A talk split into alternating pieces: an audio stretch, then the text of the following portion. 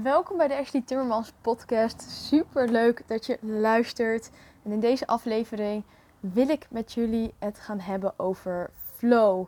En ik wil het met name eens wat dieper gaan induiken op de flow-theorie van Mihaly Csikszentmihalyi. Een hele ingewikkelde naam voor een uh, vrij simpele theorie. In ieder geval, ik kan hem vrij simpel uitleggen. Ik heb hier ook veel over geleerd in mijn studie psychologie. En het was echt een van die theorieën die me is bijgebleven, omdat het me heel erg intrigeerde. Um, weet je, als je erover leest en als je de kenmerken van flow um, leest, dan, dan merk je aan jezelf al van, oh ja, dat gevoel. Dat iedereen heeft dat gevoel wel eens gehad van in de flow zitten. En, en het is een heel fijn gevoel. Het geeft je namelijk, weet je, het, het, kort samengevat betekent als je in de flow zit dat je ergens zo druk mee bezig bent dat je er dus volledig in opgaat en de tijd vliegt voorbij. En wat je dan vaak ook ziet bij dit soort dingen is dat mensen bijvoorbeeld vergeten te eten of ineens uren verder zijn uh, terwijl ze dachten dat er net een half uurtje voorbij was. Um, en het lijkt me eens interessant om te kijken wat er nu zo kenmerkend is voor dat flowgevoel en welke condities er nu voor gaan zorgen dat je dat gevoel krijgt. Want vaak zijn we heel erg op zoek naar de activiteiten die ervoor gaan zorgen dat we in die flow komen. En lukt het ons niet om die activiteiten te vinden. En we zoeken dan bijvoorbeeld naar onze passie of naar iets waar we heel erg blij van worden. En het lijkt me heel nuttig om dit eens door te nemen. Nou, wat is de flow-theorie nu precies? Het is dus een Amerikaanse Hongaarse psycholoog, Mihaly Csikszentmihalyi. Um, en hij deed in de jaren 70, 80 onderzoek naar de onderwerpen geluk en creativiteit. En een van de dingen waar hij onderzoek naar deed, waren de factoren die ervoor zorgen dat je je dus gelukkig voelt tijdens het doen van een taak. En wat hij concludeerde tijdens zijn onderzoek, is dat er eigenlijk um, twee belangrijke factoren zijn. En dat is uitdaging en vaardigheid. Dus de challenge level en skill level. En wat hij ontdekte is dat iemand het meest gelukkig is als de vaardigheden tijdens het uitvoeren van een taak op een hoog niveau worden aangesproken. Dus iemand voelt zich uitgedaagd en verantwoordelijk of is erg geïnteresseerd en, en, en kan daar helemaal in opgaan. Dus je bent eigenlijk ook echt intrinsiek gemotiveerd. En dit is voor, um, voor de mensen die bekend zijn met psychologische concepten ook wel vergelijkbaar met de zone van naaste ontwikkeling. dat is bedacht door Lev Vygotsky. Het zijn allemaal moeilijke namen om te onthouden. Het is ook niet belangrijk. Het gaat er meer om dat je het concept begrijpt en dat je het eigen maakt. Nou, deze gemoedstoestand die je dus hebt in die optimale situatie, waarin je dus um, ja, je echt uh, uitgedaagd voelt en dus verbonden bent met het doel wat je doet, um, dat noemde die flow. En het tegenovergestelde van flow is ook wel passiviteit. En dat betekent uiteraard dat je je niet uitgedaagd voelt. Je bent niet echt verbonden. Je voelt je ook niet verantwoordelijk of niet geïnteresseerd. En dit zie je dan vaak weer terug bij mensen die bijvoorbeeld al heel lang in loondienst zitten. Of eigenlijk alleen maar een baan aangenomen hebben voor het geld. Wat je daarin ziet is dat mensen helemaal niet verbonden zijn met wat ze eigenlijk aan het doen zijn. Um, waarin je dit ook kan merken is beroepsdeformatie in de zorg. Um, en dit is een grappige, want je zou kunnen zeggen iemand zit in een flow. Omdat iemand continu dezelfde handelingen doet. Nou ja, de dag vliegt misschien wel voorbij omdat iemand zo druk is. Maar 9 van de 10 keer um, is dit eigenlijk meer automatische piloot dan flow. Dus dat zijn twee verschillende dingen. Bij een automatische piloot ben je eigenlijk een hele saaie taak aan doen die niet heel veel meer van jouw hersencapaciteit vereist, omdat je het zo vaak gedaan hebt. En dat maakt ook dat je wat meer te maken krijgt met beroepsdeformatie.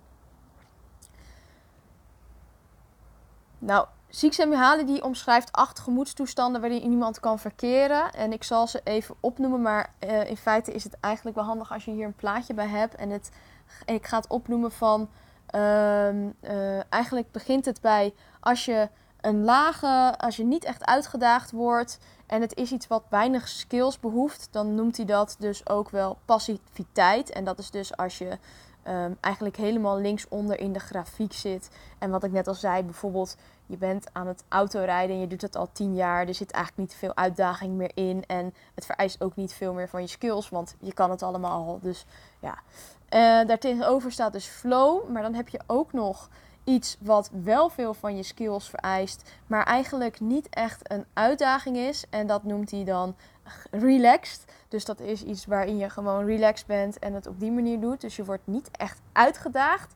Maar je voelt je er wel oké bij. En het tegenovergestelde zou dan zijn dat je iets doet waar je helemaal niet skilled in bent, maar waar enorme uitdaging zit. En dan zul je zien dat je daar vaak wat meer angst gaat ervaren. Ehm, en, en dat je misschien onzeker wordt over jezelf. Nou, er zijn er nog een paar die ertussenin zitten, maar voor nu laat ik het hier even bij. Ik vind het namelijk veel belangrijker om eens uh, de, de acht um, uh, kenmerken door te nemen waaraan je kan voelen dat je in de flow zit. En de eerste is dat je voelt dat je extreem geconcentreerd bent en doelgericht bezig bent. En als we het dan hebben over het creëren van een freedom cashflow of het opzetten van jouw online business, dan is dit natuurlijk heel fijn als je dat ervaart. De tweede is dan ook dat er een duidelijk doel naar boven komt. Dus dat je echt duidelijk weet waar je naartoe werkt. Derde kenmerk is dat je het zelfbewustzijn verliest. En dat klinkt negatiever dan het is. En hierin voel je dus dat je geheel gefocust bent op de activiteit. En daarin vergeet je eigenlijk jezelf en bezig te zijn met de rest. Vierde kenmerk is dat de activiteit belonend is. Bijvoorbeeld omdat het heel erg leuk is of omdat je er heel veel van leert. Het is echt iets waar je voor gekozen hebt om dat te doen en waardoor je in de flow raakt. De vijfde is een duidelijk gevoel van controle over de situatie en of activiteit. En wat ik hiermee bedoel is dat je dus echt het idee hebt dat je de activiteit aan kan en dat het, um, dat het bij je past. En hierop aansluitend heb je bij dat gevoel van uitdaging dus wel het gevoel dat het haalbaar is. Dus het is niet te moeilijk, maar ook niet te makkelijk. En je merkt hier al, er zit hier een heel ja, moeilijk te bepalen balans in, wat ook echt voor iedereen persoonlijk is. En dit is ook wel weer heel grappig, want dit is ook weer waarom het vergelijken online geen zin heeft. Hè? Want de een die ervaart een enorme flow op een heel ander niveau dan dat jij dat ervaart. En die zal dingen heel anders leuk vinden omdat hij nog die, omdat hij al veel verder is uh, dan dat jij bent. Nummer 7 is directe feedback. Dus het gevolg van de actie is heel duidelijk. Het succes en falen is direct duidelijk. En daarop kan, kan je ook je eigen handelen direct weer aanpassen. Dus daarmee uh, bedoel ik dat je tijdens het uitvoeren van die taak. Uh, dat je weet wat je te doen staat op het moment dat het niet lukt of dat het wel lukt. En dat maakt dat je in die flow blijft. Omdat je eigenlijk niet met je handen in je haar komt. En als je startend ondernemer bent, dan zul je vaak nog ervaren dat er iets op je pad komt waarvan je denkt: Oh, wat moet ik hier nu mee? En hoe moet ik dit oplossen? Nou, dan ben je dus duidelijk niet in je flow. En dan betekent het dat dus de challenge level erg hoog is. Uh, maar je skill level erg laag. En dat zorgt voor zorgen, voor angsten. En je bent dan duidelijk niet in jouw flow aan het handelen. En dat maakt niet uit, want dit betekent dat je kan leren. En daardoor kan het uiteindelijk dus zo, zomaar zo zijn dat die taak waarin je eerst niet in je flow kon komen, door oefenen uiteindelijk wel ervoor zorgt dat je in de flow komt. Want we hebben als mens zijn ook ruimte nodig om te leren. En als laatste het verlies van tijdsbesef. En dit is denk ik eentje die mensen heel erg uh, zich kunnen herinneren op het moment dat je in de flow zit. Dat, dat de, de dag vliegt voorbij op het moment dat je iets aan het doen bent waarbij je in de flow zit.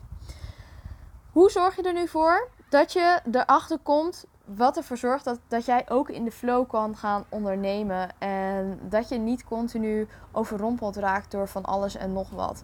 Het is natuurlijk de vraag die heel veel mensen aan mij stellen. En eigenlijk is er geen simpel antwoord op, omdat het dus zo persoonsgebonden is. Maar wat wel voor zorgt dat je makkelijker in de flow komt, is dat je in ieder geval altijd voor ogen hebt voor welk doel jij iets aan het doen bent. En dan bedoel ik echt dat grotere doel van dat meer vrijheid, uh, reizen met je gezin, uh, meer tijd om strandwandelingen te maken, geen geld zorgen. Je wilt een hoger doel, financieel vrij worden. En door dit hogere doel zorg je ook voor dat je intrinsieke motivatie voor het creëren van bijvoorbeeld een freedom cashflow of het opzetten van je online business, dat dat makkelijker gaat. Want je weet waarvoor je het doet. En dat is super belangrijk als het gaat om flow. Je wilt, um, je wilt dat je een duidelijk doel hebt. Nou, daarnaast kun je er ook voor zorgen zelf dat het steeds makkelijker wordt om in die flow te komen. En dat is door jezelf toe te staan op momenten dat je een lage skill ehm, level hebt op een bepaald gebied, maar wel weet dat die taken gedaan moeten worden. En dan zijn er eigenlijk twee keuzes. Of je besteedt het uit, of je zorgt ervoor dat je er zelf bekwaam in wordt. En dat kan je weer doen door hulp in te schakelen. Zo doe ik bijvoorbeeld in mijn online academy. Help ik mensen echt met een heel concreet stappenplan om die online cursus of dat online product te gaan lanceren en op de markt te gaan zetten. En doordat ik ze dan help met het creëren van, uh, um, van dat product en ze hele concrete opdrachten geef, wordt het weer behapbaar, waardoor je binnen die opdrachten weer meer in de flow kan komen. Nou, wat ik al zei, het is dus heel erg persoonsafhankelijk wanneer jij in de flow komt of wanneer niet. En je zult ook gaan merken in je business, sowieso in het leven, er zijn altijd taken waarbij je minder in de flow zit dan andere. En wat hier ook weer een hele grote rol speelt, is hoe sta je er verder voor? Hè? Voel je, ben je, zit je lekker in je vel? Ben je uitgerust? Dat zijn allemaal factoren die hier ook aan bijdragen. Want je kunt wel een taak doen waarbij je normaal altijd in de flow zit, maar op het moment dat je andere dingen aan je hoofd hebt of je hebt niet goed geslapen, dan zul je merken dat het ook weer moeilijker wordt om in de flow te komen. Ik hoop dat ik jullie uitgedaagd heb om eens kritisch te gaan kijken van hey, welke taken word ik nou echt blij van en welke taken heb ik vaker het gevoel van in de flow zitten en bij welke taken heb ik dat niet. En ga eens kritisch kijken waardoor dat komt. En of er een oplossing voor is door bijvoorbeeld het te gaan uitbesteden of door er hulp voor te gaan zoeken. Om te kijken hoe je hier um, ervoor kan zorgen dat je vaker in de flow kan, um, kan zitten. Ik hoop dat dit een waardevolle les voor je was.